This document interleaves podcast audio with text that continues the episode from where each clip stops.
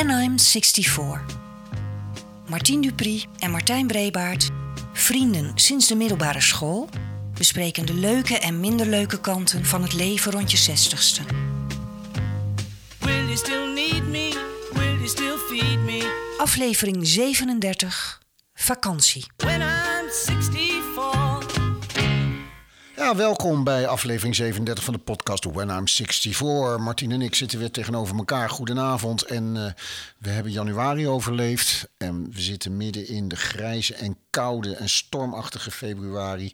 Maar Martien, ooit gaat het toch weer vakantie worden. En ik dacht, daar wil ik het vanavond eens even met jou over hebben. Eh, maar voordat we dat doen, natuurlijk de bekende vraag. Heb je nog wat meegemaakt de afgelopen tijd? Ja, twee weken geleden zag ik in jouw boekenkast een bundeltje van onze Coot van Doesburg. Onze coach. Ja, staan. Licht is de titel. Het verscheen in 2010. En in die bundel staan hertalingen van Coot, van 100 gezangen. Volgens mij ken jij het, omdat het in een radio, zondagavond, een radioprogramma... Zeker, ik deed met Saar en met Coot de diensten voor ongelovigen vanuit Ah. een theatertje in Weesp. En daar was dat eigenlijk, ja. Ja. daar had dat bijna de plek van het liedboek van de kerk in. Ja. Nou, en terecht. Het is, het is prachtig. Je weet dat het liedboek, eh, zelfs in mijn eh kerkse tijd, meer voor mij betekende dan de, de Bijbel. Er staan prachtige teksten in het liedboek. Geschreven door eh, prominente dichters. Maar helaas is dat in een taal die onze kinderen in ieder geval niet meer verstaan of begrijpen. Ehm, en wat daarvoor teruggekomen is op dit moment is vaak in, eh, in opwekkingsliederen. Met teksten als U bent zo groot, U bent onze koning, Ja. U houdt van mij, ik hou van u. En ik dat- heb daar helemaal niks Nee, mee. en Coot ook niet. Nee, en net, ik wou net zeggen, en dan Coot.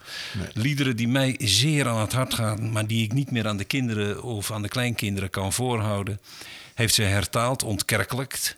En ontdaan van eh, wat bij ons thuis vroeger de talen Kanaans heette.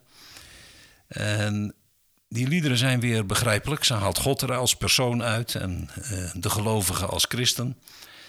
En houdt toch de essentie van het, van het gedicht overeind. Ik vind het ongelooflijk knap. Ik, ik geef maar even een voorbeeld. Wij zongen vroeger: Hoe wilt gij zijn, ont, hoe wilt gij zijn ontvangen? Hoe wilt gij zijn ontmoet? En bij Coot wordt dat: Hoe moet ik gaan beginnen? Waar ligt die nieuwe start? Ja, mooi. Prachtig, ja. Sommige gezangen uit het liedboek zijn eh, voor mij inmiddels eh, ware guilty pleasures. Bijvoorbeeld, soms groet een lied van vreugde de christen als hij zingt... De Heer is die met vleugels van liefde mij omringt. Loopt alles ons ook tegen, hij zal ons het goede doen. Hij geeft na donkere regen een mild en klaar seizoen. Ja, mij zegt dat iets, mij doet het ook wel iets. Maar Coot maakt daar een lied van, van dat in het tweede couplet hoop wil geven aan iedereen, gelovig of niet gelovig, aan iedereen die zich down of depressief voelt. En dan krijg je, soms is het of donkere luchten er altijd zullen zijn. Je kunt het niet ontvluchten, dat blijvend rookgordijn. Die vreugdeloze, sorry, die vreugdeloze regen, je houdt de deuren dicht, je kunt er niet meer tegen, waar blijft het warme licht? Ga dan in je gedachten het zonlicht tegemoet. Je moet er vaak op wachten, maar alles komt weer goed. Het duister zal verdwijnen, het eendje wordt een zwaan, de zon zal voor je schijnen. Je kunt de dag weer aan. De bundel Licht is nog steeds te bestellen bij de boekhandel. En Coot, bedankt, ik vond het prachtig. Nou, mooi. Leuk. We, we hebben dit ook niet afgesproken, maar want je gaat nu vast vragen. Heb jij nog iets meegemaakt? Mijn onderwerp schuurt ook een beetje tegen de religie Tegen aan. Aan. Niet tegen Nee. Coot, maar wel tegen de Ja. religie. Ehm, maar huil jij makkelijk? Alleen, En dan bedoel ik niet alleen in- als ik muziek hoor. Dan Oh, nou, ik wou net zeggen, ik bedoel niet in rouwsituaties of zo. Incontinent, emotioneel Oh ja, oh ja. Oh god, dat heb ik namelijk ook. Maar ik heb vooral bij zielige filmpjes. Echt waar? Doe mij een sterreclame met een zielig beest en eh, de, de, de, de dijken breken door. Oh, voor dat, dus dat kind wat nu de hele tijd bij die kist aan het zingen is. Nou ja, dat is dan misschien weer net iets te Ja. eh, eh, op, weet je wel. Nou, kilometers te. Want dan gaat het zijn doel weer ietsje voorbij. Maar ik weet bijvoorbeeld door een hele vroege herinnering dat ik als, als jongen eh, in de bioscoop zat bij Mary Poppins. Ja. En het was een verjaardagsfeestje van een vriendje van mij. En dat, ik, dat ik heel erg moest huilen. En dat ik nog weet hoe gênant ik dat vond. Maar waarom vertel ik dit nou ja. allemaal? Omdat ik deze week ongeveer twee uur heb zitten huilen tijdens Ivo ten Hoven's versie van Jesus Christ Superstar. Dat is fantastisch. Ehm, waar dat nou precies vandaan komt, eh, het- ik denk een combinatie van weemoed. Het waren onze jaren, het was Ja. 1972. Eh, de dankbaarheid ook voor het trouw blijven aan die 1973 soundtrack, inclusief de tekst, de Engelse tekst. Fantastische cast, geweldige zanger, geweldige band, geweldige regie. Alles bij, kwam bij elkaar en ik brak werkelijk. Ja. En eh Mea kent me inmiddels een beetje, dus die, die dacht van nou, het zijn goede tranen, het zal wel goed komen. Maar wat een absoluut meesterwerk. Geschreven door 22-jarige Andrew Lloyd Webber. 22 was hij. Ja. Eh, het punt is dat hij heeft wel een beetje vroeg getopt, wat mij betreft. er is is eigenlijk nooit meer iets gekomen wat ik, wat ik van datzelfde niveau vind. Inclusief Nee, nee. Cats, wat toch gezien wordt als zijn meesterwerk. Maar jij gaat er nog naartoe, hè, met Marjan? Ja, eh, Rotterdam komt iets later Ja. dan eh, Amsterdam. Nou, ik ben ontzettend benieuwd wat je ervan vindt. Ik vond het werkelijk zo Tell me what's happening, what's the buzz? Tell me what's happening, what's the buzz? Tell me what's happening, what's the buzz? Tell me what's happening, what's the buzz? Tell me what's happening, what's the buzz? Tell me what's happening, what's the buzz? Tell me what's happening. Why should you want to know? Don't you mind about the future? Don't you try to think ahead? Save tomorrow for tomorrow. Think about today instead. What's the buzz? What's happening? What's the buzz? I could give you facts and figures. Even give you plans and forecasts. Even tell you where I'm going. Brief aan mijn vader. Elke aflevering schrijft Marijn Iwema een brief aan haar vader Martien. Vandaag de brief van woensdag 14 februari. Hi pap. Snotterend van de verkoudheid en de griep stuur ik je deze brief. In deze ellenlange durende herfst, die we winter noemen, probeer ik naast het genieten van de alledaagse dingen ook wat vooruit te kijken. Ik ga namelijk binnenkort op vakantie. Voor mij een bijzondere, want na jaren ga ik weer eens op wintersport. Samen met mijn vriendin, die overigens ook nadat haar hele gezin geveld was door de griep, nu zelf slachtoffer is geworden, zit ik volop in de voorpret. Onze appgesprekken ontploffen. Van de weersvoorspellingen, de muzieklijst die we gaan luisteren op onze roadtrip er naartoe, ideeën over onze outfits, filmpjes van uitzichten, filmpjes van goede snowboarders die wij uiteraard gaan evenaren, maar ook de dansmoves die we gaan uitvoeren tijdens nog een belangrijker onderdeel van onze trip, de après-ski. Nu ik met een vriendin op pad ga en het geregel van op vakantie gaan met een gezin wegvalt, heb ik opeens veel meer tijd voor deze voorpret.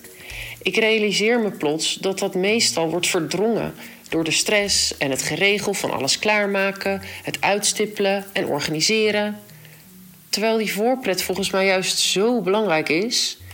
En vanuit mijn vak weet ik hoe belangrijk het is om af en toe echt jezelf kind te voelen.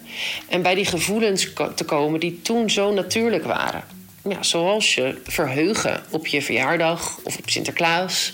Of voorpret hebben van va- op vakantie gaan. Het is zo jammer dat dit meer naar de achtergrond gaat naarmate je ouder wordt. Ja, ik ga nu ik toch ziek ben, maar eens flink genieten van deze vakantievoorpret. Hoe zit het eigenlijk met jou, pap? Heb jij genoeg aandacht voor voorpret? En wanneer had je dat eigenlijk voor het laatst? Nou, vast niet voor een vakantie. Kus. Ja, Marijn. Zelfs de toon eh, is, ik weet niet of het ironisch of sarcastisch is eigenlijk. Maar inderdaad, jij weet het. Ik, ik ben niet van de voorpret. Ik heb een, eh, een hekel aan eh, toekomst. dus, en, daar hoort voorpret bij. Dus ik, ik kan daar niet zo vreselijk veel mee. En bovendien pas ik me heel erg makkelijk altijd aan aan andere omstandigheden. Dus ik hobbel van hier naar Kreta en ik zie wel weer hoe het daar is. Maar betekent dat dan dat je als je naar Kreta gaat, dat je dan last minute eh, boeker bent? Of zorg je dat anderen die Ja, wij, wij, wij, wij deden dat soort vakanties, zeg maar. Dat soort geplande vakanties eigenlijk nooit. Eh, wij gingen altijd met de boot op vakantie en de boot lag Oh ja. Daar gingen wij in het weekend ook naartoe. Dus het enige wat ik moest doen aan voorbereiding was... eh, melden op het werk of zorgen dat ik die weken er niet hoefde te zijn. Ja, nou, dat een, van- een van de dingen waarin wij heel verschillend zijn. Want eh, eh, ja, ik heb natuurlijk geen boot helaas, in, nog niet. En zeker niet op Kreta. Maar als je nu... Wij, wij gingen regelmatig naar Samos. Ja. Maar dan moet je dus eigenlijk rond december moet je dat gaan boeken. Ja, dat begrijp ik. En jouw kennende zou ik me ook kunnen voorstellen... dat dat je ook wel een rustig gevoel geeft van... dan is het vast geregeld. Want ik wil toch eh, het liefste ergens zijn... waarvan ik zeker weet dat ik het daar naar mijn zin heb. Ja, ik zou het zelf nooit durven eh, regelen. Ik, heb, ik mis het geloof dat, ik er, eh, dat het dan doorgaat. zal Oh, je denkt dat het een afvikt voor Ja, die tijd Ja, of ja zo, want of dat ik er niet meer ben. Maar ja, Ja, ja. ik ben daar redelijk fatalistisch in. Ja, het is een- gevolg is natuurlijk wel dat als je er nog wel bent, dan kun je in ieder geval niet meer naar Kreta. Want Nee, zijn... nee. Nou ja, kijk, dat is, Marijn, eh, dus, eh, Marijn regelt, eh, heeft de afgelopen paar jaar geregeld als we met, de- met de familie weggingen, dat er een huisje was. Oh, en die doet dat ook perfect, op, op- ook nog wel op latere momenten. Doet ze dat dan via internet? Ja, Zo. die kan dat heel erg goed. Ja, en, ja, het is eh, mij en- dit en- jaar voor het eerst niet gelukt namelijk. Ik, ik, ben, Oh. wij, ik ben ook van de, we zijn ook van de vroegboek, van de Ja, vroegboekkorting ook. Eh, want ik wil nu niet meer naar Samos. Dat heb ik je geloof ik wel eens verteld. Ja. Hè? Eh, Onbegrijpelijk, maar oké. Nou ja, weet je, er is ook een verschil tussen Mea en mij. Mea heeft meer, die geniet meer van de zee dan ik. Ik vind dat soms ook wel lekker, maar na een paar dagen denk ik, nou, nou wil ik wel eens eventjes weer wat anders. En dan is daar dus op zo'n eiland niet zo heel veel Nee. anders. Dus dat vind ik het heerlijke van Frankrijk. Dat je denkt van, nou, Ja. dan ga je stap je in de auto en dan ga je kathedraal of kerkjes kijken. Kan daar, ja, eentje, maar die heb je dan wel een paar keer gezien al. Ehm, dus ik wilde sowieso niet naar Samos. Maar het, ik moet je eerlijk zeggen, het is mij voor het eerst niet gelukt om via internet een leuk huisje te vinden. Ik dacht misschien aan Lissabon of iets dergelijks, of daar in de Ja. buurt. In de eerste plaats schrok ik me kapot van die. Dit is, is niet te geloven. Echt ongelooflijk. Echt niet te geloven, ja. En dan zit je ja, do- nog door mijn werk, maar ook door Mea's werk natuurlijk aan die schoolvakanties Hoogseizoen, ja. Want als je datzelfde Ja. huisje boekt in eh, September, eh, april. dan is het de helft. Ja, ja. Dus, eh, nou ja, kortom, ik ga denk ik voor het eerst eens maar eens proberen hoe dat werkt met zo'n last minute. Ja. Ben ik, ook, ik ben er huiverig voor, maar ook wel benieuwd naar. Stel je voor dat je op 3 augustus... Maar je kunt gaat namelijk ook nog, die krijgt ook nog een operatietje. Dus het hangt een beetje vanaf Oh, hoe zij zich voelt. Maar stel je voor dat je in augustus zegt... oké, ik voel me eigenlijk prima... en het weer in Nederland blijft eh, grijs... dan wil ik alsnog naar de zon. Heb Ja. jij daar ervaring mee? Dan stap je een reisbureau binnen zeg je... maakt me geen reet uit waar naartoe... maar ik wil graag twee weken of een week naar de zon. Ik ben eigenlijk wel benieuwd. Ik, ik bedoel, ik ken de verhalen net zoals jij... van die last-minute boekers die werkelijk geen idee hebben... of Nee. ze nou richting Aruba of richting Zuid-Afrika... Oh, dat, ja, richting... daar hou ik al helemaal niet van. Nee, Ja. ik ook niet natuurlijk. Dus ik ben wel heel benieuwd. Bovendien die, die gigantische hotels zoals ik daar, die voor me zie daar in Tunesië. Zo, Nee, dat lijkt me nou ook niks. Nee, om de- als, als het gaat om de voorpret, om even, even terug te begrijpen naar Marijn de vragen. Ja. De voorpret, ik zou, eh, anders dan jij, ik zou makkelijker voorpret hebben als ik weet naar welk huis we gaan. Ja, ja, dus als we nu eh, besluiten, we is de familie eh, Dupri, zouden besluiten om naar hetzelfde huis te gaan als drie jaar geleden, Ja, ja, ja. dan zou ik me daar enorm op kunnen verheugen. Dan weet ik wel, het gaat misschien niet door, maar ik zou me er enorm op verheugen. Dan weet ik waar we naartoe gaan en zo. Dus voor mij is dat heel belangrijk. Terwijl ik het liefst, zoals ik dat ooit gedaan heb, met een tent kan dat namelijk. Hè. Je gaat gewoon kijken. Er is altijd nog wel een plekje te vinden, hoewel dat de laatste jaren ook tegenviel. Maar met een huisje kan dat natuurlijk Nee. niet. Je kan niet in de auto stappen en kijken. Nou ja, we zien wel welk huisje we gaan vinden. Ja. In, zelfs met een hotel is het in Nee. die Alles is gewoon vol. Dat is ja, wel een beetje het smerig probleem. en zo. Dat lijkt me heel vervelend. En het, het verschil is, ik heb me ooit jarenlang, heb ik me in december al heel erg kunnen verheugen. Dat was, daar begon mijn voorpret al, omdat ik dan dingen ging boeken. Maar nu raakte ik alleen maar in een soort blinde paniek van, mijn god, ik kan niks vinden en wat is het allemaal duur. Ja. Dus daar ben ik op een gegeven moment maar gefrustreerd mee, eh, Maar dit- mee opgehouden. Maar De quotes van Colt. Ja, vakantie, vakantie. Wat was dat ook weer? ik weet het niet meer. Ik heb tegenwoordig iedere dag vakantie. Nee, dat, dat is niet waar. Ja, het is wel waar, maar eh, ik weet nog heel goed wat mijn ultieme vakantie was. Was als kind hadden mijn vader en de gezinnen van zijn twee zussen, met drie families dus, een huis in Domburg. En daar gingen dan de de kinderen bleven daar en de ouders wisselden, zal ik maar zeggen. En daar, ja, daar hadden we de heerlijkste zomers. Met vrienden en vriendinnen op matrassen op de zolder en met z'n twintigen om de eettafel. En ehm, ja, het was een, een huis, één rij achter de eh, duinen. Dus je deed thuis je badpak al aan en dan één, één duin over en dan was je op het strand. En natuurlijk, zoals een kind dat heeft, altijd mooi weer, in mijn herinnering. En, eh, maar ja, dat is op een gegeven moment eh, verkocht. En toen had ik mijn, mijn, mijn, mijn ultieme vakantie niet meer. Ik heb verder nog wel leuke vakanties gehad. Maar toen heb ik op een gegeven moment, ook alweer 30 jaar geleden, een spooroverweghuisje in Frankrijk voor bijna niks gekocht. En daar ben ik een soort Domburg van aan het maken.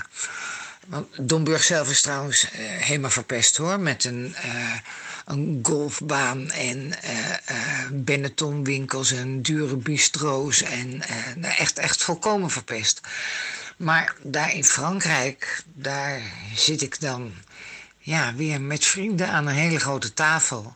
Een beetje zoals je je voorstelt, zo'n Italiaanse film. Eh, en heel veel boeken lezen. Ik zit er ook heel graag alleen en met mijn honden.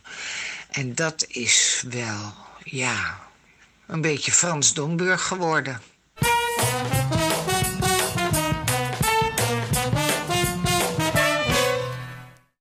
Mooi coach. We komen er straks nog wel even op er terug, denk ik. Ja. op terug, ja. ik zie Martino af en toe fronsen. moet Ik even kom bijkomen, moet even eh, bijkomen van dit praatje. Komen we straks op terug. Nou, zullen we even, Martien, eh, een beetje volgen met, met onze pingpong-vorm... Mhm. gewoon even een paar hoogtepunten van vakanties, dieptepunten van vakanties. Een van de hoogtepunten is dat ik nog steeds twee inmiddels volwassen zoons heb. En die vinden het nog steeds leuk om met pa af en toe een stedentrip te doen. Ja. Dus we hebben Barcelona gedaan, trouwens ook met Mea. We zijn met z'n drieën naar Liverpool geweest. En nou gaan we naar Hamburg, waar ik me enorm op verheug. Nou, ja, nou jij. Ehm, hoogtepunt. Ja, nou inderdaad. Wij, Dat zegt Ja, veel, hè? Ik moet, ik moet ik, al zoeken. ik weet gewoon, ik, het hele blaadje staat vol en jij moet echt zoeken. Ja, nee, wij waren ooit met de boot in Meppel. Dan denk je van tevoren, dat is toch helemaal niks. Dat bleek een buitengewoon aangenaam, eh aangename plaats te zijn. Ontzettend leuke horeca, leuk stadje, prettige mensen. Een van de avonden kwam Joram, de oudste met zijn... eh, wat toen nog zijn vriendin was langs. En zijn we gaan eten bij Nachtwacht. Van de week trouwens gesloten en heeft, is het opgehouden te bestaan. We hebben daar buiten zo fantastisch gegeten. Zo'n zomeravond die je maar heel zelden, eh, althans ik in ieder geval, maar heel zelden meemaakt. Absoluut hoogtepunt. Ja, fijn. Ja. Eh, ik heb Valencia leren kennen. En zoals je weet werd meteen verliefd, verliefd op Valencia. Maar ik heb Valencia leren kennen in de tijd dat daar de corona al eh, actueler was. Ja. Aan de hand was. Eh, mondkapjes en ook bijna geen toeristen. Dus ik zou eigenlijk nog wel een keer terug willen naar Valencia... om te kijken hoe die stad nu is. Maar het was met Mea een ongelofelijke vakantie. Leuk. Ja. Ehm, nog maar een hoogtepunt. Storm. Marianne was er gelukkig niet bij. Storm op de Middellandse Zee. Met de kinderen. Dat zijn de verhalen. Ja, in de nacht.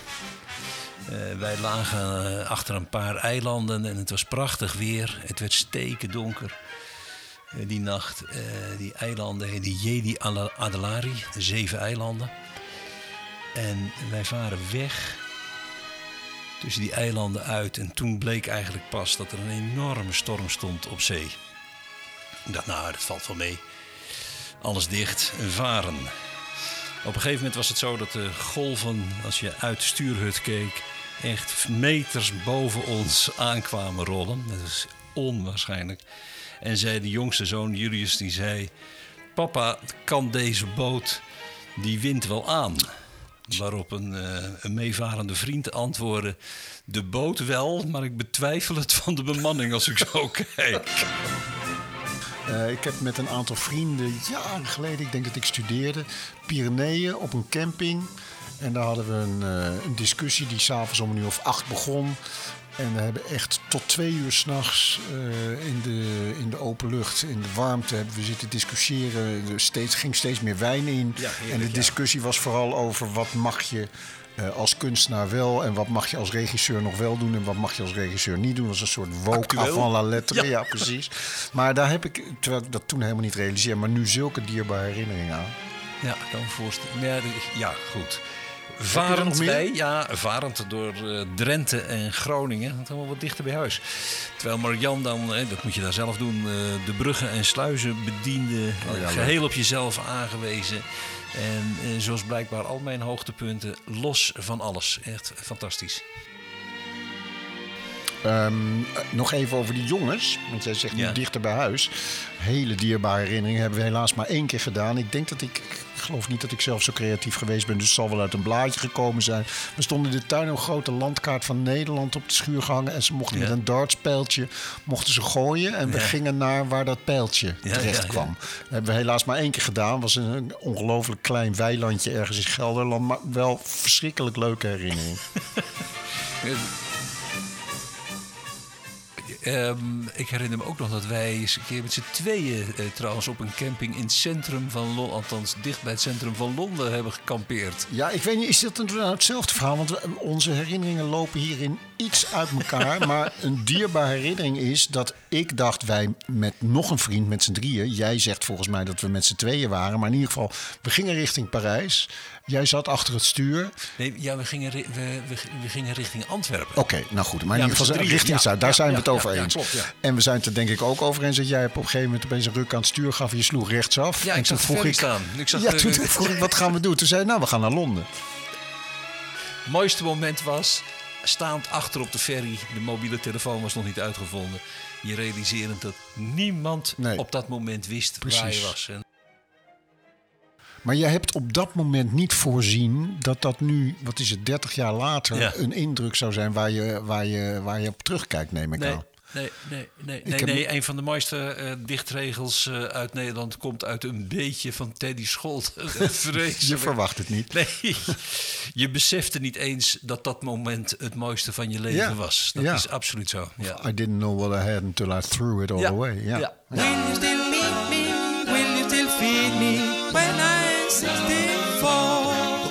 dieptepuntje misschien. Dat je alles in Het vuilniszak had. vuilniszakincident. Ik wou het zeggen, ja. Alles in een vuilniszak had gestopt. Ja, nou zal ik je even vertellen. Kijk, het was zo, het was 's morgens vroeg. Wij zouden, we gingen kamperen. En ehm, we zouden, 's morgens vroeg hadden we ingepakt, tent ingepakt. We hadden twee vuilniszakken, want rugzakken. En in de ene vuilniszak zat dan echt het, het, het vuilnis. Ja, en in de andere ja. vuilniszak zat de was die eh, nog gewassen Ja. moest worden. En eh, nou, we hadden net alles ingepakt. En ik was naar het eh, sanitaire hok, zal ik maar zeggen. En ik kom terug en ik zie vuilniswagen wegrijden. En Wen helemaal enthousiast. Ja, nou, ik heb net de vuilniszak al weg. nou Oh, is ja. dat ook meegegeven? Is dat meegegeven? Nou, je voelt hem natuurlijk al aankomen. Toen keek ik in de vuilniszak die er nog stond. En daar stonden allemaal aangebroken eh, ja, eh, etenswaren en zo in. En Wendel had dus het eh, wasgoed dat ze meegegeven aan de vuilnisman. die daar vervolgens net wegreed. maar ja, of dat nou een hoogtepunt of een dieptepunt is. Nee, een vriend van mij zegt het wordt vanzelf een anekdote. Het wordt vanzelf een hoogtepunt is- in ieder geval. Het wordt ja. dus vanzelf een hoogtepunt.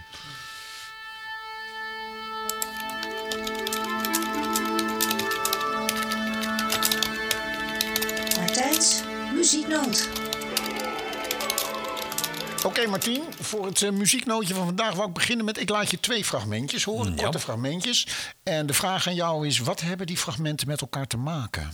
Oké, een quiz. Ja, een muzikaal quizje om mee te beginnen. Fragmentje 1, dat is deze.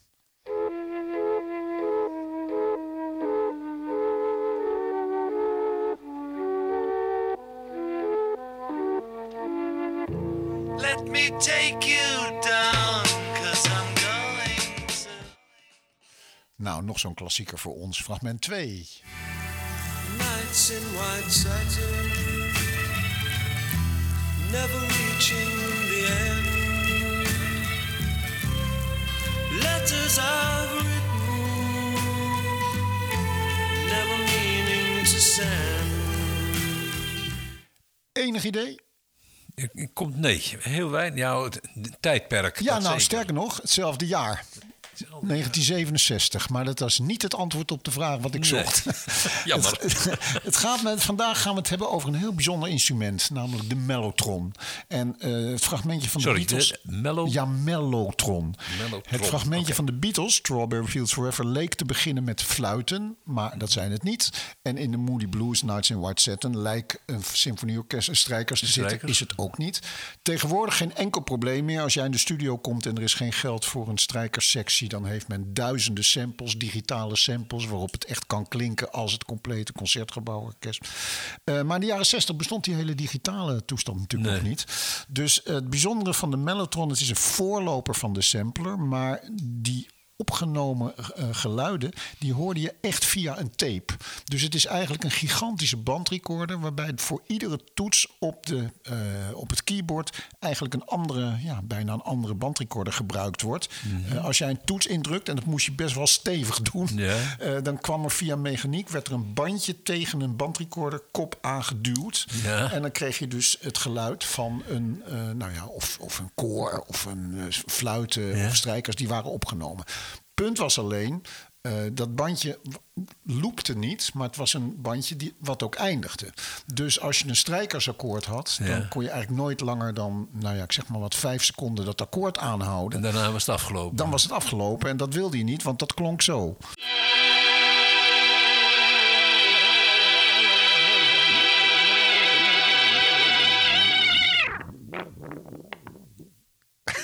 dat is wel heftig.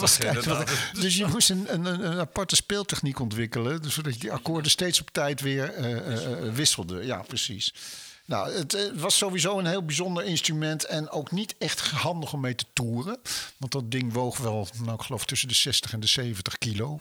Had bovendien een hele zware motor aan boord, want het was Het was geen studie. Ik, ik had even begrepen dat het een studio-instrument was. Nee, nou, eh, het- volgens mij is het eigenlijk gewoon zelfs gemaakt voor in de huiskamer. Ik Oh. weet wel dat Mar eh, prinses Margaret op Buckingham Palace, die had er één. Peter Sellers trouwens ook. Er waren een aantal van die Ja. bekende mensen. Maar het is, het is een beetje troetelkind geworden van de eh, progressieve rock. Bijvoorbeeld ook Genesis gebruikt het heel veel, weet je wel, dat soort groepen. Eh, maar het was niet handig, want los van het gewicht was het natuurlijk belangrijk dat, die, dat, die, dat dat bandje exact op de goede snelheid. Dus hadden een zware motor nodig. En die motor maakte zoveel lawaai dat in zachte nummers hoorde je eigenlijk alleen maar die motor. dat- Dat kwam erbij bovendien als dat ding, eh, als je daar een flinke trap tegen gaf, dan had je kans dat er zat dus inwendig zat, er, moet je je voorstellen, zaten er 60. Ik zal foto's ervan op, Ja. eh, op, op onze site zetten. Maar je had 60 van die band, eh, bandjes. Bandjes naast elkaar. Ja, en je moet je voorstellen, ongeveer de dikte van een cassettetape. Dus als Ja. die een trap kreeg en dat ding ging een halve centimeter naar links... dan zat je als toetsenman met het probleem dat je dacht dat je een G speelde... maar dan hoorde je een vies bijvoorbeeld. Dus dat was... Nou, en tenslotte, door al die mechanica...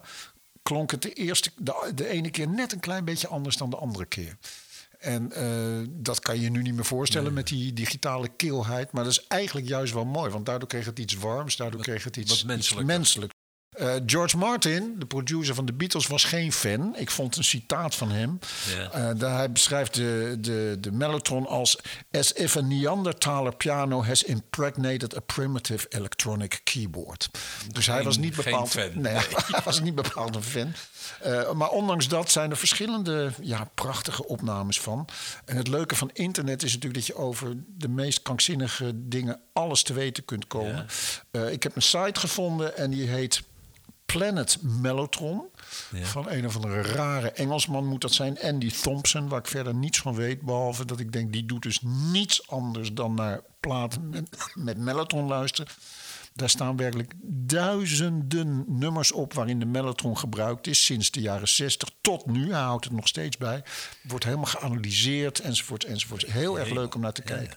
Trouwens, in Nederland, Kajak had er ook een, weet ik. Dat weet ik nog, want ik wilde hem gaan, maar bij ik kon die nooit muziek. betalen. Dus Kajak was voor mij een soort muziekwinkel van instrumenten die ik graag wilde hebben, maar die ik niet kon betalen. Nou, leuk is natuurlijk dat je het op een gegeven moment de klank van die mellotron gaat herkennen. Om met Kruif te spreken, je ziet het pas als je het door hebt. Dus ik wilde eh, eindigen met een ook fameus fragment uit onze puberteit. David Bowie. En de toetsen worden bespeeld, de mellotron wordt bespeeld door Rick Wakeman. Later een grote man als toetsenman van eh, Yes bijvoorbeeld. Kom er maar in, David.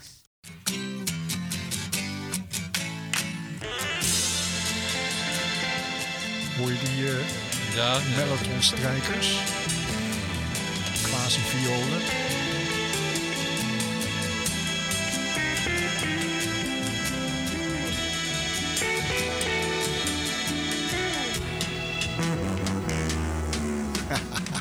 en hier hoor je ook achter de stem.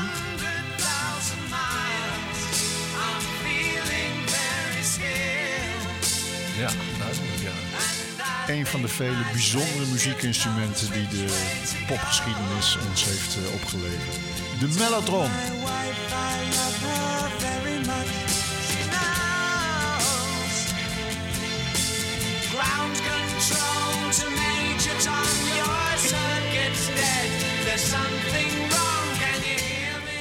Klinkt ook wel enorm gedateerd meteen. Maar ook alweer leuk, hè? Ja, het is prachtig. Mellotron bestaat nog steeds trouwens. Ze hebben een nieuw instrument uitgebracht, een soort digitale variant van deze. Ja. Maar eh, meneer Andy Thompson wordt daar heel boos op. Die laat duidelijk weten op zijn site dat hij dat eigenlijk maar niks vindt. Die oude Mellotron met zijn echte tapes, dat is the real thing. Want dit is natuurlijk weer gewoon een sampler dan. Een digitale, Ja, ja, digitale sample player.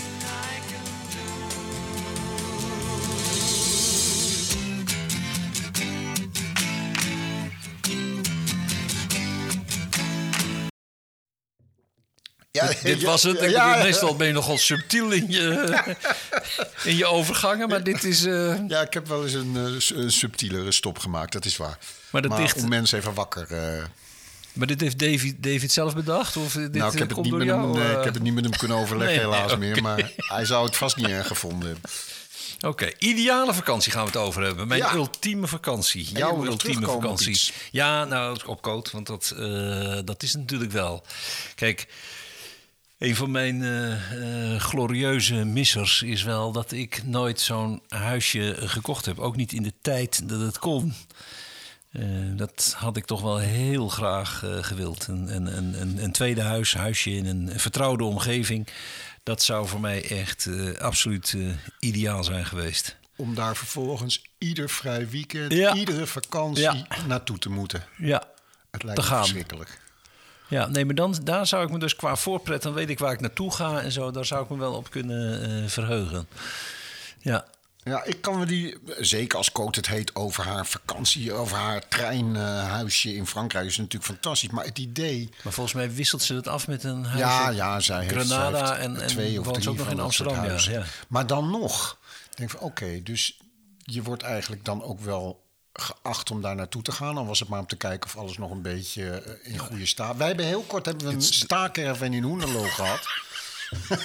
met mijn, met mijn ex. Ja, Nou, dat vond ik echt. eh, ik dacht dat ik dat heel leuk vond, maar ik vond het verschrikkelijk. Ja. Want ieder weekend denk je van ja, we kunnen eigenlijk nergens anders naartoe dan daar naartoe. En als je er twee weekends niet geweest, dan was er inderdaad ingebroken. ja. Dus nou, wat je volgens mij het beste kan hebben, is Onderhoud. een aantal vrienden die een huis hebben waar jij lekker eh, eh, af en toe terecht kan. Maar het idee dat het huis echt van jou is. Maar het is ook een verschil tussen ons. Hè? Dat je denkt van ja, als ik het ergens naar mijn zin heb, dan kan ik me niks heerlijkers voorstellen dan dat ik daar gewoon voortdurend.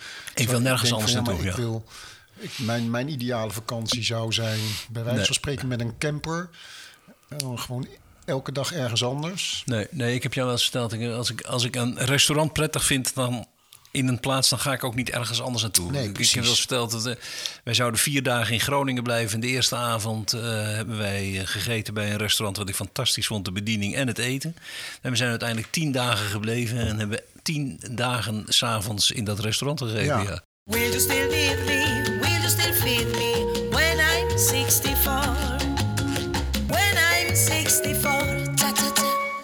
Mijn ultieme vakantie is denk ik wel, eh, even afgezien die, die, die, die, die ingewikkelde vakanties die wij hadden met zo'n, met zo'n boot in een, eh, op de Middellandse Zee. Maar dat is alleen maar leuk als je heel veel tijd en heel veel geld hebt. Eh, maar mijn ideale vakantie was. God, dat is ook een tijd geleden, 1988, eh, naar het huis van de familie van, van Clara Rolf Ja. in Zuid-Frankrijk. Ik vond dat fantastisch.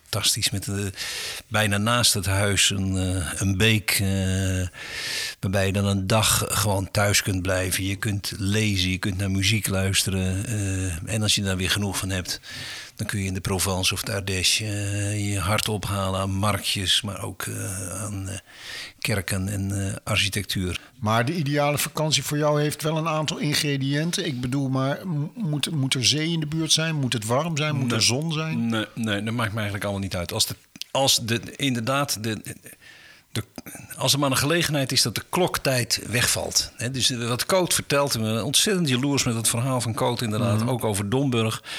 Ehm, vroeger met mijn ouders op vakantie met de boot. Liep je door zo'n weiland weer terug naar de boot van mijn ouders toe. Op de, de Kaag was dat. En bedacht ik dat er helemaal geen tijd meer was. De school was nog ver weg. Ik hoefde nog niet te gaan werken op de kwekerij van mijn vader. eh, en wat ik gewerkt had lag achter me. Fantastisch. Genieten van, eh, van, van dat er geen kloktijd meer even is. In, in hoeverre verandert dat, Martien? Jij, jij weet het nu. eh, eh, op, als je met pensioen bent, dat dat gevoel van tijd wegvalt. Ik heb dat nog niet zo. ik- Een ontzettend goede vraag. Ik heb dat nog niet zo meegemaakt in mijn, eh, in mijn pensioentijd. En sindsdien ook nog niet op, echt op vakantie geweest. Wat, wat denk jij zelf? Nou ja, ik kan me geen andere vakanties voorstellen... omdat ik eh, van tevoren in de agenda heb aangekruist... die vrijdag krijg ik vrij. En zes weken later, die maandag, moet ik weer op school verschijnen. Dus mijn vakanties zijn altijd enorm scherp Ja, ehm, geagendeerd. door- ja, geagendeerd. Maar jou, jou, dit is een geheel ander onderwerp en voor een andere aflevering. Maar jouw hele leven is Ja, natuurlijk enorm geagendeerd. En ik ben nu alweer bezig om het volgend jaar weer geagendeerd te krijgen. Maar daar gaan we het nog wel eens een keertje over Ja, hebben. Nee, maar, dat is natuurlijk verschil tussen dat is natuurlijk verschil tussen ons tweeën. Bij mij is het nooit geagendeerd Nee, dat snap ik. Dus het is nu pensioen. Ja. En daar is dus geen verschil. Nee, maar in mijn geval lijkt het, lijkt het me dus Ja. geweldig dat je gewoon kan besluiten... joh, ik ga in oktober gewoon twee weken weg. Het probleem is een beetje dat Mea natuurlijk nog wel moet werken. Maar dat, Ja, maar even- dat gevoel Ja. over het eh, tijdvergeten gesproken... dat kan ik me heel goed kunnen voorstellen. Ja. Ja, oké, maar wat is jouw ideale vakantie nu? Nou, ik heb dat een beetje moeten bijstellen. Want eh, ik dacht dus Ja. dat mijn ideale vakantie was... lekker in mijn eentje met de motor erop uit. Ja. Maar zoals je weet, dat heb ik verleden jaar gedaan. Ja, Luxemburg. Ja, en, en ehm, ik moet daar eerlijk over zijn. Dat was eigenlijk helemaal niet leuk. Ik vond het behoorlijk eenzaam. Dus dat is wel... Vanaf dag één. Of... Ja, eigenlijk vanaf het moment dat ik hier de straat uitging. ga je heel erg bewijzen van ik vind dat ik dit moet kunnen. En misschien is het wel heel leuk. En motorrijden is heel leuk. En Luxemburg was fantastisch. Maar niet in je eentje. Dat wil je met iemand delen. Of misschien, wel, eh, misschien is dat ook wel iets wat ik ga doen met een, met een motorclub. Weet je wel. Als je dat met een aantal mensen... Maar ook zo'n hotelletje ben je dan in je eentje. Heb je een kamer in je eentje. Is gewoon niet leuk. Ik maak ook niet zo makkelijk contact. Dus het was een behoorlijk eenzame Nee, dan moet je met een motorclub gaan. Dat lijkt me dan wel een goed idee. Ja, toch? Of doe je dit cynisch? Ja, dat bedoel ik zeer cynisch. Ja, maar op, ik bedoel niet dat dat nou mijn ideale vakantie, mijn enige vakantie wordt. Maar als je wil motorrijden, moet je dat met een aantal mensen doen. Nou, Oh, jij ja? rijdt geen motor, dat zou ik het leukst vinden. Maar eh, Ik rijd met de auto. wel, Met, ja, met de- oh, dat kan ook nog. Ja, helemaal ja, sneu, ja, met de auto erachteraan. Dus dat wordt hem niet, in ieder geval. Maar wat is dan wel de ideale vakantie? Nou ja, ik, ik, ik weet dus dat ik het liefste dan toch met... eh, kijk, ik- mijn nicht Karin is in er eentje gaan wandelen. Dat zou ik me misschien ook nog wel voor Dat kunnen wel stellen, eventjes. Nou, maar ik geloof toch dat ik het belangrijkste... ontmoeten gelijkgestemde, hè, neem ik aan.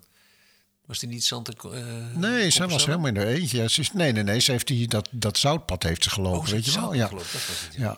Maar je komt dan natuurlijk wel mensen tegen. Maar ik geloof toch dat ik wel iemand ben die het leukste zou vinden... om met een aantal vrienden op vakantie te gaan. Nou ja, die heb ik niet, want ja, ja, ik, heb geen, ge- ik heb geen vrienden. Nee.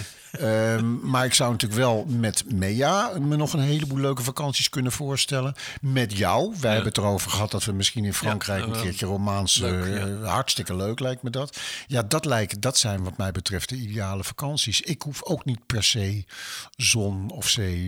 Ja, ik ben, ik ben in mijn eentje eh, nog wel eens weg geweest. En wat mij is opgevallen is dat je een vakantie, dat is natuurlijk met jou met die motorvakantie ook, dat je een vakantie in je eentje juist, of weg in je eentje juist enorm moet plannen. Dan moet je allerlei dingen te doen hebben. Ja. En als je dat niet hebt, dan wordt het vervelend. Met z'n Ja. tweeën maakt het niet zo vreselijk veel uit. Dus eh, zullen we vandaag daar naartoe gaan of morgen? Of blijven we thuis? Of dat... Nee, ik denk dat je daar gelijk in hebt. Hoewel je het eigenlijk andersom zou verwachten. Absoluut. Ja.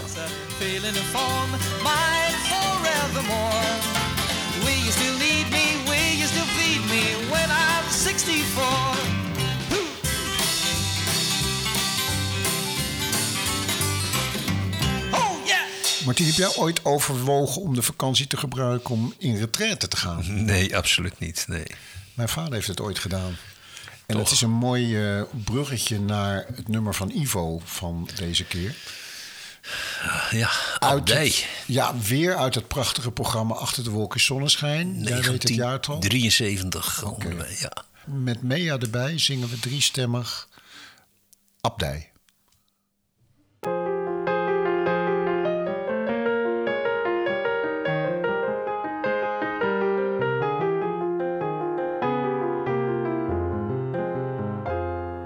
We zochten als halve toeristen in een wereld van blijvende twisten.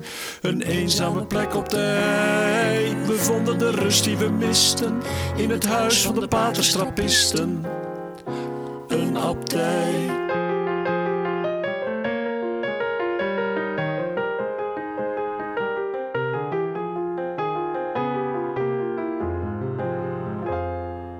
Geen ommekeer komt zonder schokken, maar we werden voorzichtig betrokken bij het simpele, sobere werk. We vasten en luiden de klokken en we liepen al gauw zonder sokken door de kerk.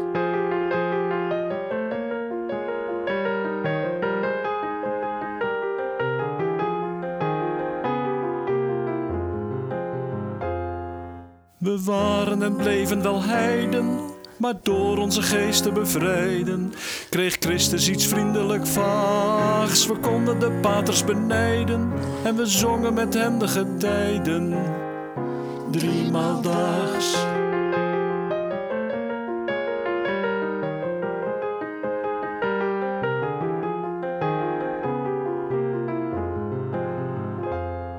Maar toen we de haan hoorden kraaien en het heimwee naar boven kwam laaien, vertrokken we uit de abdij. De wind bleek nog altijd te waaien en de monniken stonden te zwaaien. Allebei.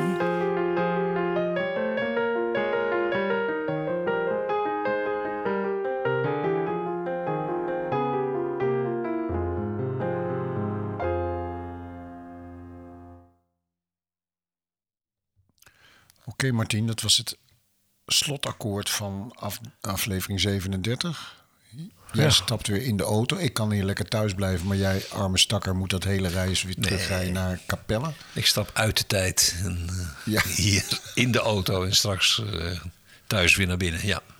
Goed, nou, we zeggen eh, eh, eh, vaarwel. En we hopen iedereen bij aflevering 38 over een week of drie weer eh, aan te ja, graag. Ja, leuk. treffen. Doeg!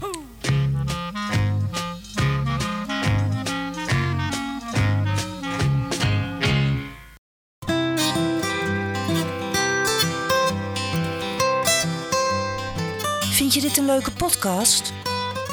Dan hoef je geen uitzending meer te missen als je je abonneert of ons gaat volgen via de bekende podcast-apps zoals Spotify en Apple Podcasts. Leuke foto's en filmpjes kun je vinden op onze Instagram-pagina When I'm 64 pod. Reageren kan via de mail when I'm 64 podcast at gmail.com. Heb je dat, Martien? Ja, dat gaat lukken.